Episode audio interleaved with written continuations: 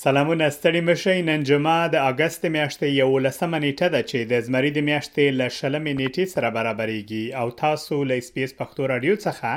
د نن ورځې لنډ خبرونه اورئ د استرالیا حکومت د بشردوستانه ویزو لپاره کلنۍ ټاکل شوی شمیر له شاوخوا 18000 ویزو څخه 20000 ویزو ته پورته کړی دی. د کډوالو چارو وزیر انډریو ګیلز وايي، د ویزو په شمېر کې زیاتوالی به اسټرالیا ته اجازه ورکړي ترڅو په نړیوال بشردوستانه بحران کې مثبت رول ولوبوي.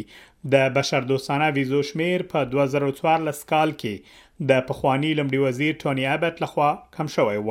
مګر په تېرو کلونو کې په تدریجي ډول سره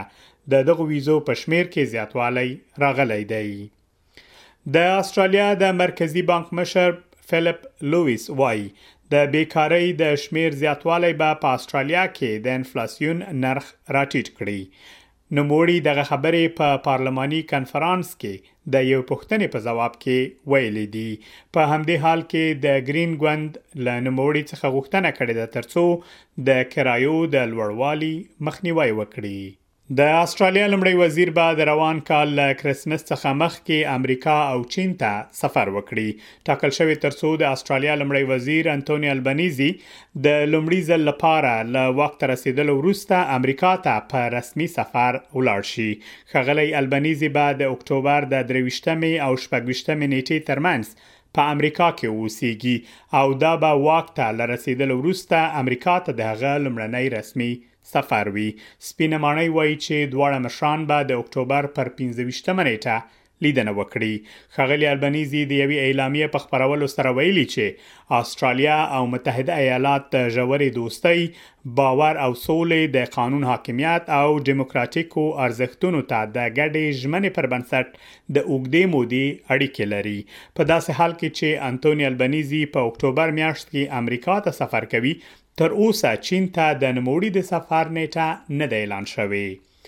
د فدرال حکومت اپوزیسیون پر چین تور پورې کړی دی چې له استرالیایۍ ژورنالیستې چینګ لي سره ظالمانه چلند کوي. د دې اونۍ په پای کې درې کاله پوره کېږي چې د چین د دولتي تلویزیون پخوانۍ خبریاله په چین کې زنداني شوې ده. نوموړې په داسې حال کې چې په توقیف کې ده، یو بیان یې خپور کړی دی او په پا پاکستان کې د پارلمان لغوه کېدو وروسته ټاکل شوی ترڅو د شهباز شریف ځایناستی وټاکل شي پاکستاني رسنۍ وایي چې په دې اړه به سبا پریکړه وشي